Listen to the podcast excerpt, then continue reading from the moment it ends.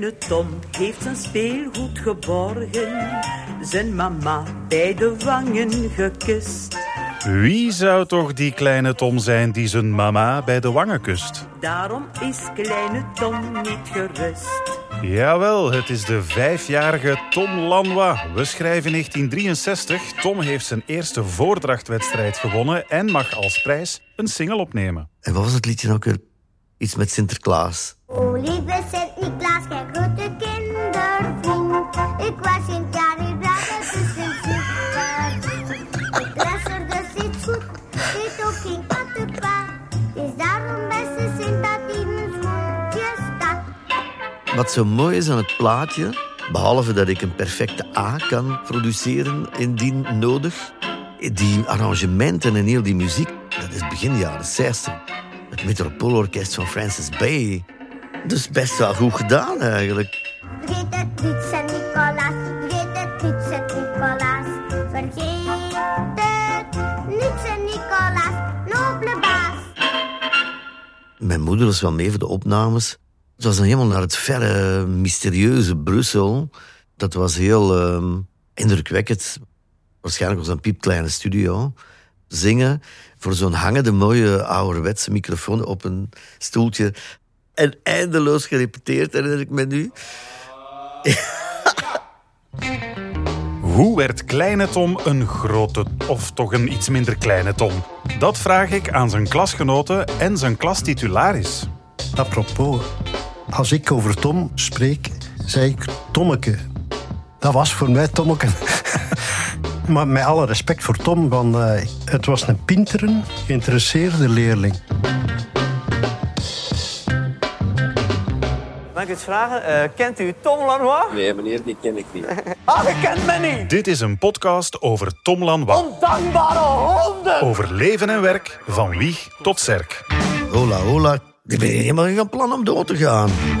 In deze aflevering duiken we in de kartonnen dozen van zijn jeugd. Geweldige familie om te hebben, hè. In zijn collegejaren. Dus dat hij zijn talent gevoed heeft ook aan de Bijbel. Zijn eerste onbeantwoorde liefde. Bliksemflits van lust. En de liefde van zijn leven. Ik peepte hem en hij peep mij. Daarvoor trek ik helemaal naar Sint-Niklaas. Op zoek naar de roots van onze... Nobele baas. Thank you very much, ladies and gentlemen. Right now, I got to tell you about the fabulous, most groovy, Aflevering 2. Een katholiek college. Keep on rocking, keep on rolling. Dit is...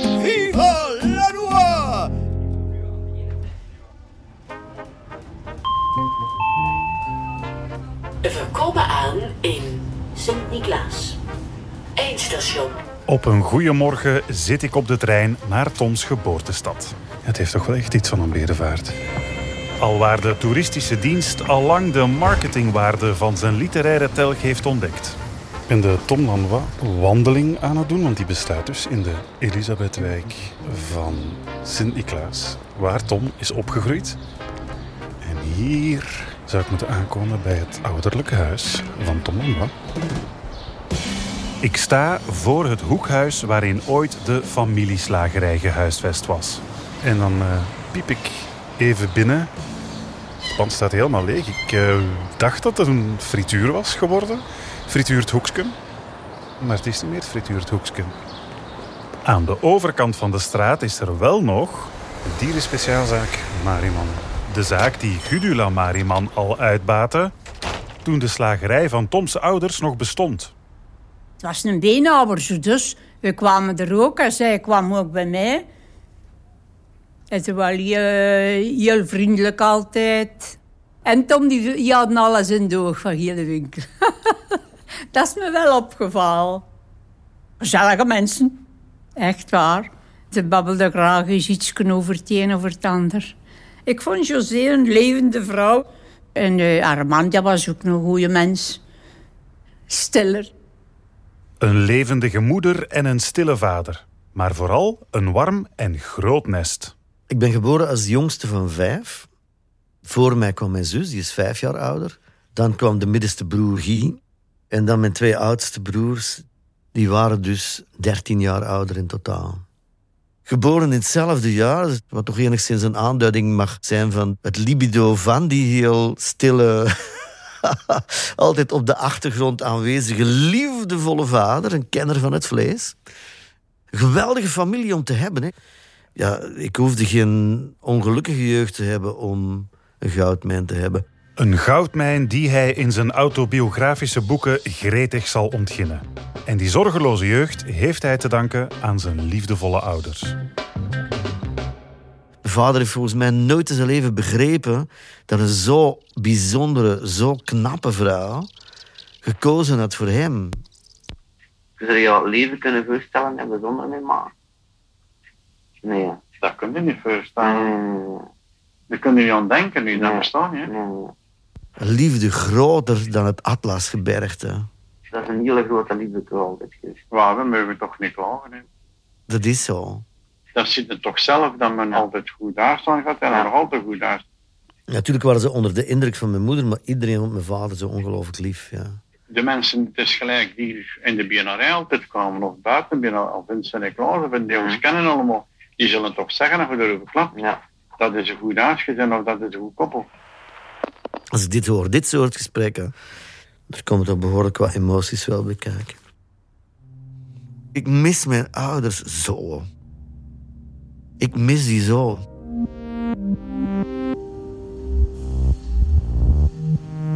Een van mijn oudste herinneringen is... Ik mag mee met mijn vader naar het nieuwe abattoir. Waar alles glanzend wit en prachtig modern is. En ik kijk met hem samen, terwijl hij vriendschappelijke begroetingen uitwisselt met de beulen, de beulen van een stier. En die voor mijn ogen wordt door die, eh, ja, door die slachters wordt afgemaakt en eh, in vieren gehakt. En eh, ik sta daarbij. Ik voel me veilig, want ik heb de hand van mijn vader vast. Het is een beeld dat onwillekeurig doet denken aan de coverfoto van een slagerszoon met een brilletje natuurlijk. Toms hand veilig in die van zijn vader. Thuis draait alles rond de slagerij. Van half zeven s morgens is soms kwart over zes. Terwijl je ook nog wat wou slapen en zo. Nee, ring, ring de bel. Maar echt zo'n een luide bel die in het hele huis te horen was. Maar ik sliep er wel nagenoeg vlak boven. Wat voor een kind was jij, denk je? Druk, aanwezig, aandacht, aandacht, aandacht. eh, randje ADHD of helemaal. Geïnteresseerd, lief, liefdoend, eh, maar ook bespelend. Van die aandacht, aandacht, aandacht. Sfeermaker. Ik denk dat ik behoorlijk irritant kon zijn ook. Laten we zeggen dat hij ook op school al opviel. Hij was eh, extravert, theatraal, een showmannetje. Maar dat bedoel ik dan heel positief. Je hoort journalist en schrijver Chris de Stoop. Hij zit in de jaren 70 samen met Tom op het college van Sint-Niklaas. Tom kwam in Latijn-Grieks terecht en ik in Latijn-wiskunde. Zeker de laatste drie jaren of zo hebben we in dezelfde klas doorgebracht. Het Sint-Jozef Klein Seminarie, bijgenaamd Het Kot, is in die jaren nog een streng katholiek college.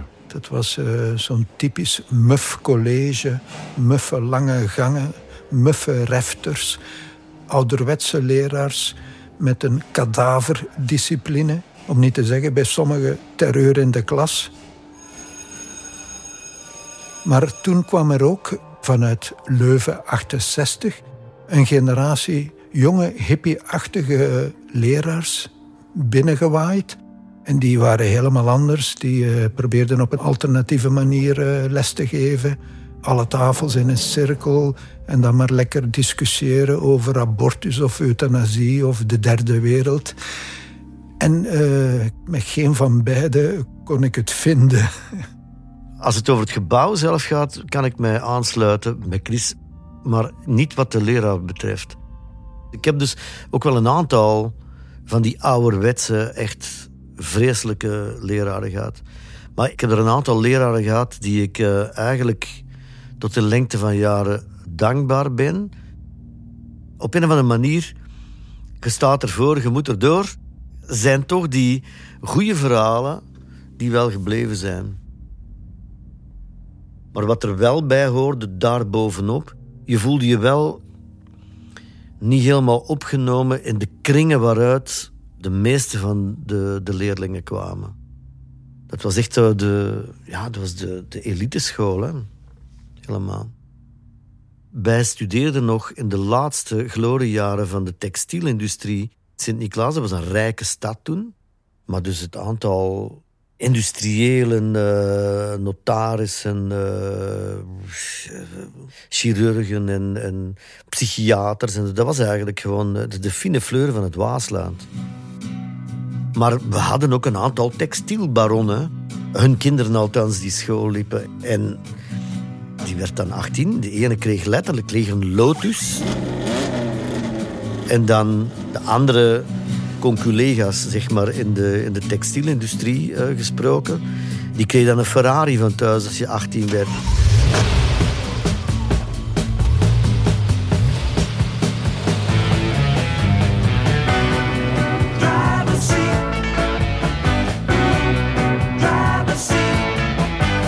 Dus het was niet alleen de oude notabelen van het Vlaanderen van meneer Pastoor en de notaris en meneer Doctor. Het was ook eh, de nouveau riche die zich dan uiteindelijk een plek kocht bij het college.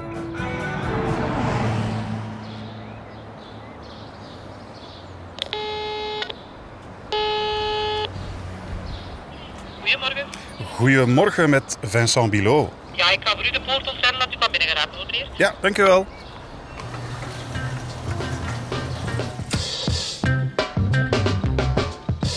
Weet je nog wie jullie eh, klastitularis was in het laatste jaar? Ja, het was een geestelijke, absoluut. En het was, als ik me niet vergis, was het nu Van der Kelen, Stefan. Spiekbriefje. Dat gaat niet nodig zijn hoor. En die ben ik gaan opzoeken. Tom Lanois. Ja, Godjandori. Eerwaarde van der Kelen doet nu alsof hij zijn geheugen moet afspeuren, maar hij weet nog verdomd veel van dat laatste jaar. De groep zelf was een fijne groep. En eh, als ik daar achteraf over terugdenk, zij gunden mij het nodige gezag. Ik bedoel, ik heb daar nooit moeten voor rijveren. Die waren loyaal, geïnteresseerd. Eh, ja, ja. Ja, ik herken de stem. Wat hij zegt, ze gunden me dat gezag, dat is dat je het verdient. Hè. Ik vond dat een heel rustgevende figuur. Iemand die ehm, jongens die nog volop aan het puberen zijn, voor volwassen nam. Een zeer goede klastitularis. En Tom doet er alles aan om bij die klastitularis in het gevlei te komen. Ooit zei mij eens, meneer Van der Kelen, ik heb de ganse Bijbel gelezen. Ik verschoot toen, want ik had hem toen nog niet helemaal gelezen.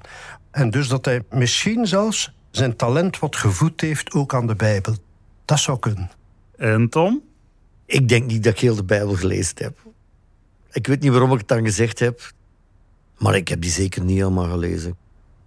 Ik wil de illusie niet meteen helemaal erop wekken, maar uh, meneer Van der Kelen, ik heb Tom zijn resultaten van het laatste jaar eens kunnen inkijken. Hij was bijna overal wel bij de beste Ja, ja. twee, drie van de Ja. klas. Alleen bij catechese was hij de op één na slechtste. Allee zeg. Ja. Tje, tje, tje. Allee. Oeh. Dus dat verhaal over die Bijbel, ik weet niet of het Nee, nee, nee, maar even met dat gezegd, hè. dat herinner ik me nog. Maar Tom is wel een strever. Ik zie hem zitten in de klas, recht voor mij. Die lessenaar waar hij aan zat, dat was juist voor mij, van aangezicht tot aangezicht. Hij wou absoluut eh, Aantje de Voorste zijn. Hij was dus de man die zijn vinger opsteken en vragen stellen enzovoort. Altijd aandachtig luisteren, of glasens, heeft hij mij zeker die indruk gegeven. Ja. Ik was het jongen dat op de eerste rij bijna constant met gestrekte arm, ondersteund door de andere arm, zat te zwaaien van ik weet het, ik weet het, meester, meester, meester. Te veel uw best doen altijd. Ongelooflijk irritant. En voor geen enkele leerkracht slooft hij zich zo hard uit als voor zijn leraar Nederlands. Cyril Coupé, beter bekend onder zijn dichtersnaam Anton van Wilderode. Het laatste uur op vrijdag las die voor, omdat hij ook wist van ieder zit al met zijn hoofd bij het weekend. Heel verstandige strategie, want je was blij dat je niet moest noteren, maar je luisterde wel. En dus die gaf dan vervolgens eigenlijk wereldliteratuur. Kafka, Dostoevsky, Hugo Claus gaf hij zeker. Dat waren heerlijke lessen. Ik ben heel blij dat ik die toen al heb leren kennen. Zijn handboek, wat een beetje ongelukkig vind ik, de dubbelfluit heette, dat is toch altijd, dat was... Maar goed, de schalmei hè, bedoelden we dan. De schalmei. Ja, ja, natuurlijk. Anton van Wilderode is behalve een erg Vlaams gezinde leraar zelf ook dichter. Het paard dat stilstaat in de koude weide, die ik kan zien vanuit mijn raam, onschuldig en zonder strelingen volmaakt geduldig, met zachte vlokken op zijn rechterzijde. Want eigenlijk als lesgever ook, je had zo'n heese stem. Dus eigenlijk niet de stem om onmiddellijk indruk te maken, maar ik denk dat hij heel veel beïnvloed heeft. Trouwens, verschillende zijn in de literaire richting gegaan onder invloed van Van Wilderode. Ook Tom begint gedichten te schrijven. En je raadt nooit wie zijn eerste uitgever is. Ik denk dat ik zeker de eerste ben die een tekst van Tom Lanois gepubliceerd heeft. Chris de Stoop. Toen ik in de leiding zat van De Vijfhoek, een blad dat door de scholieren zelf was opgericht. En om inzendingen te lokken, begon ik met een gedicht van Tom. Onder het pseudoniem T.O.L. T.O. grote L. Tol, verschrikkelijk uit, maar zwart. En Tom was absoluut in mijn ogen iemand die erg vlot kon schrijven en een aanwinst voor dat blad. En dat blijkt uit alle bijdragen. Ik vind het nog altijd een, een fantastisch gedicht waar hij toen die rubriek mee mocht openen. Ik was heel trots. Mocht hij gezegd hebben van sorry, het is niet goed genoeg, ik zou echt kapot geweest zijn eraan. En dat gedicht begon zo. Ik zag de iris in je ogen tot een ronde vlindervlek verlopen, toen je zelf begreep wat je had gezegd, in een overvloed van woorden. Enzovoort. Prachtig liefdesgedicht. Ik wist niet dat hij de grootste schrijver van onze generatie ging worden, maar ik zag eh, zeker dat hij erg goed schreef. Het waren echt eh, jaren dat we dachten van we staan klaar om de generatie van Hugo Claus op te volgen. Het is niet te schatten hoe uh, verwaand dat je op je zeventiende of je achttiende kunt zijn over jezelf. en niet alleen hun literaire interesses lopen gelijk. Sabine, ik weet niet uh, of hij echt ook verliefd was op Sabine, maar hij was er heel, heel close mee. Ze was flamboyant, maar zonder franje. Lighting up a room. De harten van de hetero's braken zoals het ijs van de vijver in het stadspark als het nog niet dik genoeg was en je trapte erop. En ik was in elk geval wel tot over mijn oren verliefd en dus ongelooflijk jaloers. Ik kon uh, zowel meisjes als jongens uh, charmeren, rond zijn vinger draaien. Uh, hij was heel erg innemend en ik kon flirten. Het is te zien wat Chris nu bedoelt met meisjes. Uh, maar, maar, ja, ik, dat was een jeugdvriend van iedereen. Ik bedoel, uh, publiekelijk, ja. Maar het is, voor mij was het geen meisjeszot. Ik weet niet, dat bedoelde Chris niet. Dat weet ik niet wat Chris daarmee bedoelt. nee, nee, ik bedoel, die ging... Dat was overal waar hij kwam, was dan een, een aantrekkelijke vierde gast, hè. Viril, dat weet ik nou zo niet. Als ik de foto's van toen zag. En aantrekkelijk, ik heb mezelf nooit beschouwd als aantrekkelijk. Dat is nogthans iets wat ik van veel mensen wel heb gehoord. Een soort ja, charisma kan ik wel, maar dat zat gewoon bij ons over de hele familie. En het werd eigenlijk met, met uh, filet puur mee ingegeven, zou ik maar zeggen. Een soort jongensachtige charme. Ja, laten we het daarop houden. Het is mij nooit gelukt om uh, Sabine te veroveren en hij wel. Hij papte er erg mee aan en ik was er mateloos jaloers op. Ik lig er nog van wakker soms. Oei. Jij was met haar in jouw ogen onschuldig aan het flodderen. Ja. Bij Chris kwam het over alsof je... Ik echt in zijn rapen scheet, zullen we maar zeggen. Zoals onder, nee, onder, we zullen het voorzichtig zeggen. Uh, onder zijn duiven schoot. Maar ik heb dat zo bij Chris niet beseft en dat het nog altijd... Ja, ik kan me nu wel voorstellen dat de eerste grote verliefdheid toch wel nog altijd speelt. Tom kan ervan meespreken. Hij vat tijdens die collegejaren een allesverterende liefde op voor de klasgenoot die hij later in kartonnen dozen kortweg Z zal noemen. Vanaf het eerste jaar van het middelbaar. Op dat moment ben je wat, 12, 13. Zoals ik het in kartonnen dozen beschrijf, een soort bliksemflits voor Z. Van minimale lust, maar ook een bliksemflits van besef. Dit is wat ik wil en dat is waarschijnlijk niet helemaal normaal. Dat is die, die Z-persoon ondersteboven zien hangen tijdens de turnlessen. En de mooie buik wordt ontbloot, al enigszins eh, gespierd. Want het was iemand die eh, naar een turnkring ging. En daar dan van denken, hoe mooi is dit? En dit wil ik aanraken. Dus de minimale allereerste erotische aantrekkingskracht. En werd ook vriend, hè. Dat was ook een, een vriend, maar hij wist natuurlijk van niet veel meer dan, dan dat we bevriend waren. Ik denk dat ik wat dat betreft heel erg gecamoufleerd door het leven liep. Niet zozeer de aard van de aantrekkingskracht verbergend, maar wel het object. Dat dat zelfs zo ging dat dan ik de vriendschap speelde en dat in de kern daarvan de liefde aan het laaien was. High school romance. En alles wat daarbij hoort in het Vlaanderen van dat moment.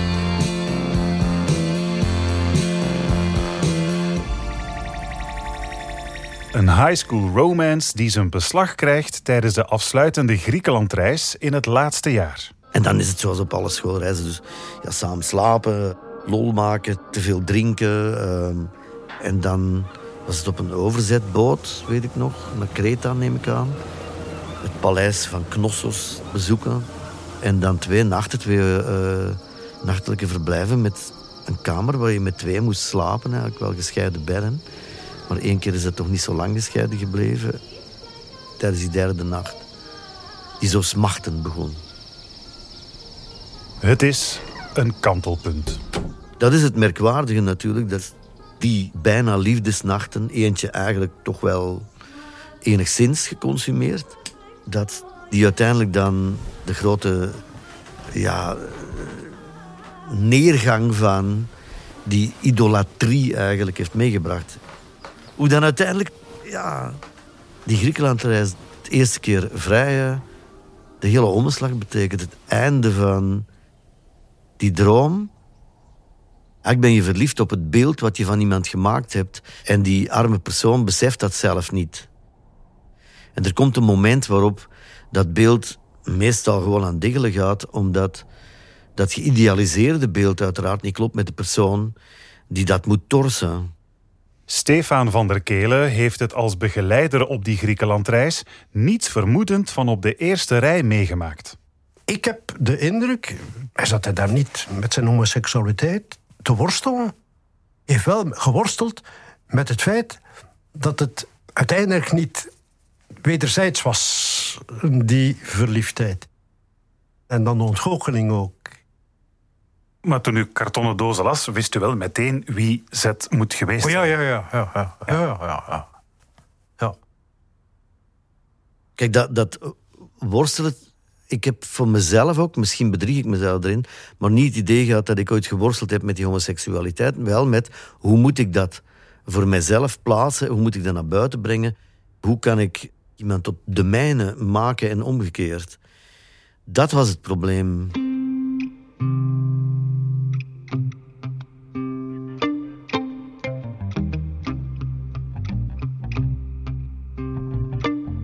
Jaren later pas, na de UNIF, zal Tom zich outen bij zijn ouders.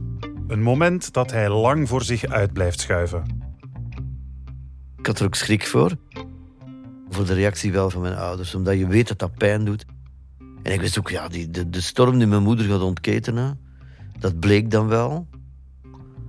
En vooral denk ik nog altijd het feit dat ze het moet gezien hebben, maar er niks meer aan kon doen toen het dan zich eindelijk manifesteerde. Denk je dat ze het zelf eigenlijk al wist voor je het daar officieel kwam vertellen? Ouders weten dat. Ouders weten dat. Ik wil absoluut die band met mijn ouders niet verknallen. Zeker niet na de dood van mijn broer. Ik, wist, ik wilde ook dat ze eh, niet nog eens een kind zouden verliezen. Dat ze zichzelf dat ook zouden aandoen. En ik wou mezelf dat ook niet aandoen. Liever de storm en ik wist dat het heftig zou zijn. Maar liever dat dan eh, aansturen op een breuk.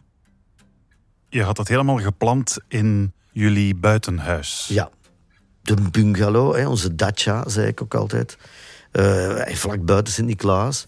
En daar dan, dus op een zondag... Er moest altijd legendarisch ook worden gebarbecued en grote tafelen. En het, allerlei mensen uitgenodigd. En dan de ouders eens apart nemen van ik moet iets vertellen.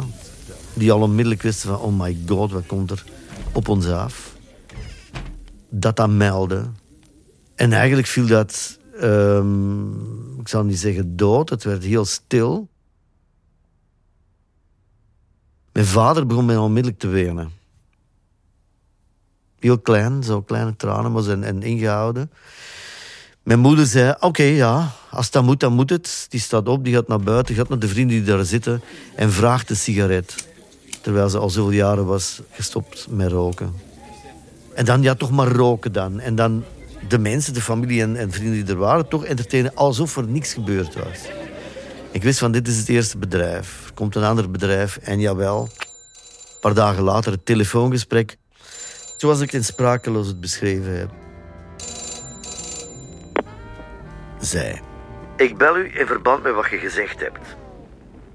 Ik. Wat gezegd? Wanneer? Ja, hang het onnozel schaap niet uit. Je weet wat ik bedoel. Een telefoongesprek dat al gauw vervalt in wederzijdse verwijten. We hadden het bij vier moeten houden. En we waren nog zo blij dat je normaal waart en geen mongooltje. Mijn lijf was al te oud bij u.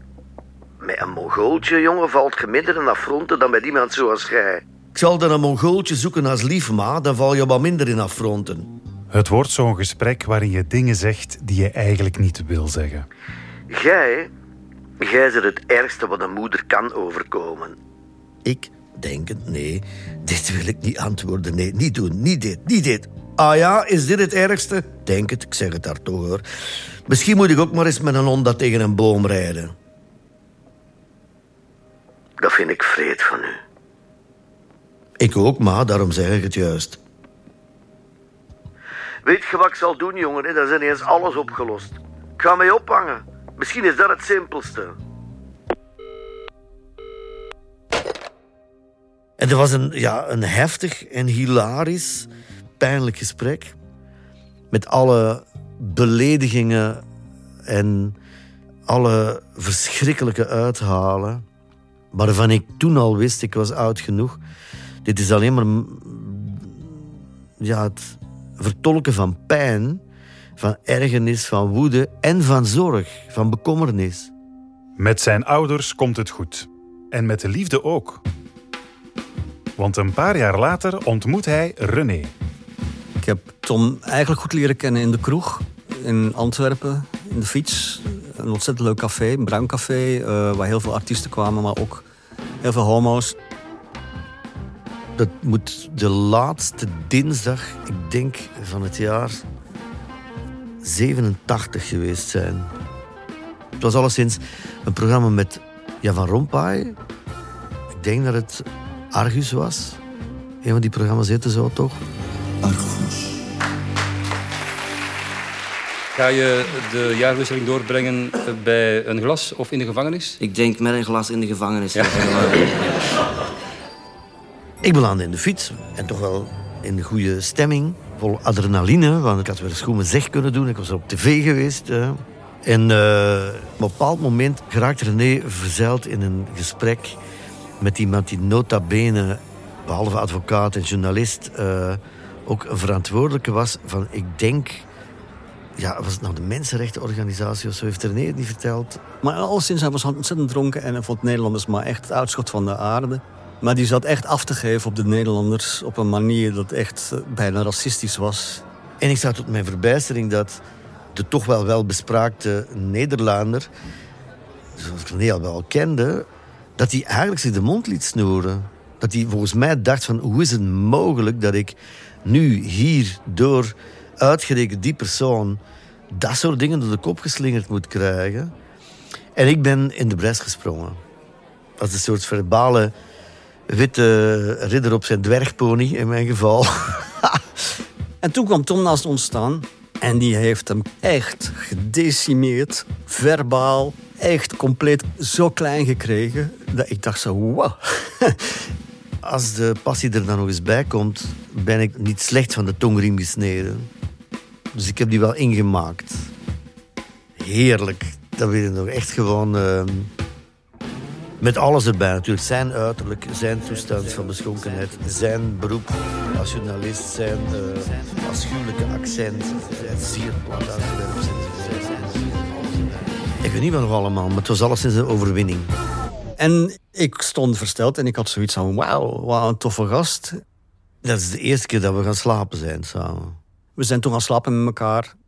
Dat was allemaal zoals in het homomilieu wat meer is. Bedoel, je hebt seks voordat je uiteindelijk relaties hebt en dergelijke ontwikkeld. En nadien is het steeds, zeg maar, eh, intiemer geworden. Kregen we ook gevoelens. Vond hem gorgeous en interessant. Daar heeft hij mij eigenlijk gewoon verleid. Tom gebruikt alle materiaal als hij wil imponeren. Het enige waar ik dus echt niet klaar voor was, was poëzie. En dat was eigenlijk een heel pijnlijk moment. Want Tom begon al verliefd te worden op mij. Maar ik had nog steeds zoiets van... Ja, seks is leuk en, en het is een leuke gozer. Het is plezant eh, samen zijn. Maar er was niet echt iets om te zeggen van... Liefde, verliefdheid op dat moment. Maar hij had het wel en hij had liefdesgedichten geschreven voor mij. En hij heeft dat dus effectief op een bepaald moment, terwijl we op de flipperbak eh, aan het spelen waren, vroeg hij: Wat vind jij van poëzie? En ik zei: Ach, niks aan. Ik vind er echt niks aan. Poëzie vind ik. Nee, niks van mij. Dat ligt bij de nuchtere, economie gestudeerd hebbende René zeer moeilijk. Nee, doe me niks. En hij was eigenlijk van plan om die gedichten aan mij op dat moment te geven. En hij heeft dus een binnenzak laten zitten. Dus pas later, dat ik het hele verhaal hoorde, dacht van, oh, dat is inderdaad wel heel erg bot van mij geweest op dat moment. Maar hij heeft er een mooie bundel van gemaakt, dus eh, het is toch terechtgekomen. Gelukkig vinden Toms liefdesgedichten voor René wel een publiek bij zijn fans. Ehm, het gedicht heet, het gaat trouwens over de liefde. En het heet Van Hanestaart gesproken. Dat er, na uitgerekend onze eerste nacht, zijn polshorloge achterliet. Je kan dat niet verzinnen. Het is een kwart van Casio met ingebouwd muziekje. Ik nam het van zijn pols en de chronometer ingedrukt voor het absolute 1, 2, 3 Legde ik het waar ik het later, na meer dan 800 minuten nog immer tellend, weer zou vinden. Toen deden we om het eerste klaar. Wie van ons twee zou winnen? Ik pijpte hem en hij peep mij. Dra, schoot mij nog maar één gedacht te binnen. Zou dit nu zijn wat liefde heet? Ik vind poëzie nog steeds eh, niet echt mijn ding. Maar dit is natuurlijk van een ander niveau. Hè. Ik bedoel. Uiteraard. Hoe lang zijn jullie intussen samen? We moeten ongeveer zo'n 35 jaar. Wauw. Wat is het geheim van jullie relatie, René? Nou, Tom is lief, hè. Een lieve man. Dus eh, het is heel makkelijk om verliefd op hem te zijn en te blijven. Mhm. Dat zal ook wel meehelpen, denk ik.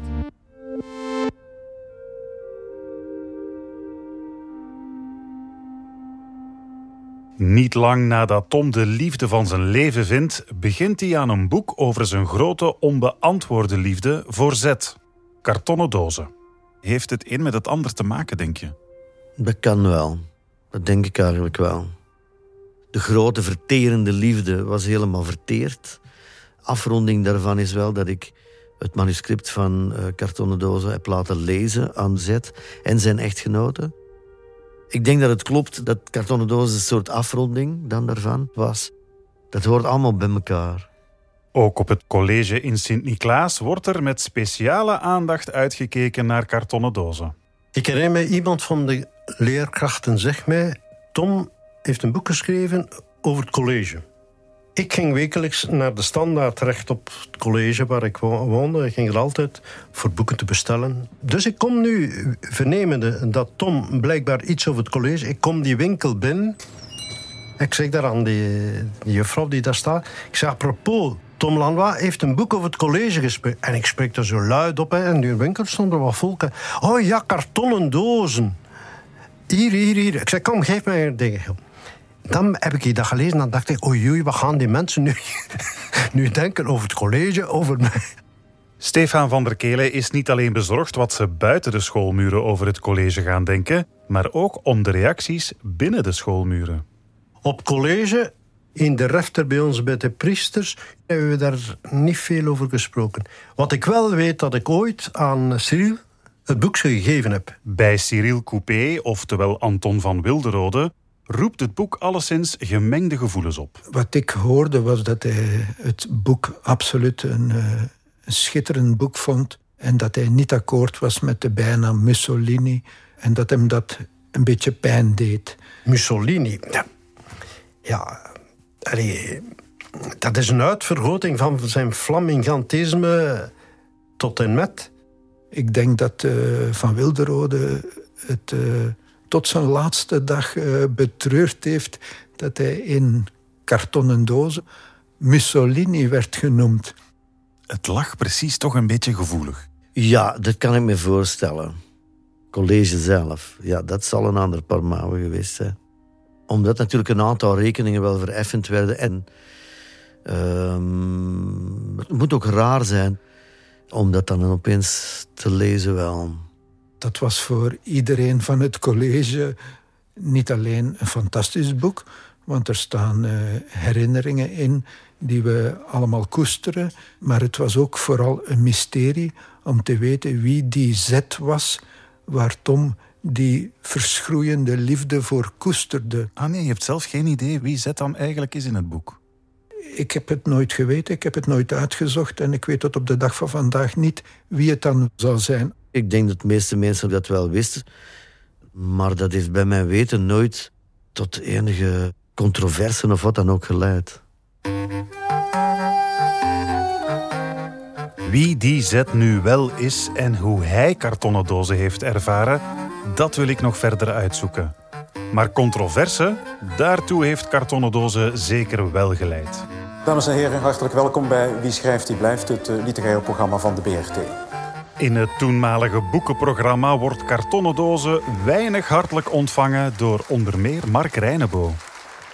Dat is dan een bezwaar wat ik wat heb tegen het boek. Dat is dat Lanois een ellendige babbelaar is. eh, waardoor het als zichzelf een vormloze hoop lijkt. Het ziet er eigenlijk uit als een soort eh Minoïs paleis op Kreta. Volledig geagglutineerd met kleine gebouwtjes rond en ernaast en erboven en eronder. Het venijn zit hem in de staart. Uiteraard, zoals altijd. Ja, ik vind dat juist een geweldig compliment. Een ellendige babbelaar, ja, ik kan het moeilijk ontkennen, zeker na dit programma. In mijn herinnering was hij negatiever eigenlijk. Ik heb hem toch nog even gevraagd naar een reactie zoveel jaar later op die... eh, Echt waar? Ja. Oké. ja, misschien is dat dan wat sterk geformuleerd. En eh, ja, zo de ellendige babbelaar, ehm, dat is natuurlijk een stijlfiguur. En de standaard recensent Marcel van Nieuwenborg mag er in Wie schrijft die blijft nog een paar bedenkelijke stijlfiguren bovenop doen. Ik, heb, eh, ik ben er niet door geïrriteerd geworden, af en toe geamuseerd, maar niet buitenmate. Uh, die man heeft geen onderwerp. Tom Lanois is een klein kunstenaar. Dat is een performer. Maar ik vind het eigenlijk een banaal boek. Maar het is niet zo dat er een soort aversie is tegen homo Oh, zeker niet. Integendeel. Dit is goud natuurlijk. Hè. Als hij niet bestond, dan zou je die uitvinden en dit soort dingen laten zeggen dan ook. Ja, hier voel je toch wel een zekere irritatie ook. En, en... Maar goed, het is legitiem. Ik denk dat er nog altijd ook wel mensen zijn die dat zo vinden. Maar gelukkig is er de betoverende Betty Mellaert om het voor Tom op te nemen. Het verbaast mij niks dat eh, Marcel van Nieuwenborg vindt dat dit geen thema's zijn. Omdat ik ehm, denk dat tederheid en kwetsbaarheid bij mannen moeilijke thema's zijn. Hè? Oh la la. Ik vind het eigenlijk ontroerend. Omdat zij hem toch wel op een heel hoffelijke manier een pandoering geeft. Ja, heel mooi om, eh, om Betty zo bezig te horen weer. Wat mij heeft eh, gefrappeerd in heel het boek is dat ondanks alle vrouwenpraatgroepen, ondanks alles wat er gezegd wordt over mannen en vrouwen, dat als je die prestatiegerichte piemel en die geëtaleerde borsten en benen wegdenkt, dat het uiteindelijk bij beide seksen om exact hetzelfde gaat. Dat is de zoektocht naar tederheid en naar liefde. Want een man moet je bijzonder goed kennen en je moet een zeer intieme relatie met hem hebben, wil hij tot dat gesprek komen en wil hij in staat zijn om dat toe te geven. Dat hij kwetsbaar is en dat hij tederheid nodig heeft en dat hij jou nodig heeft. Schoon, hè? Ik word er zelf ook een beetje lyrisch van. Want met kartonnen dozen is niet alleen zijn eerste grote liefde verteerd, maar wordt hij ook definitief als schrijver gelanceerd. Maakt hem beroemd. Van Amstel tot Maas en als schrijver is hij nu een...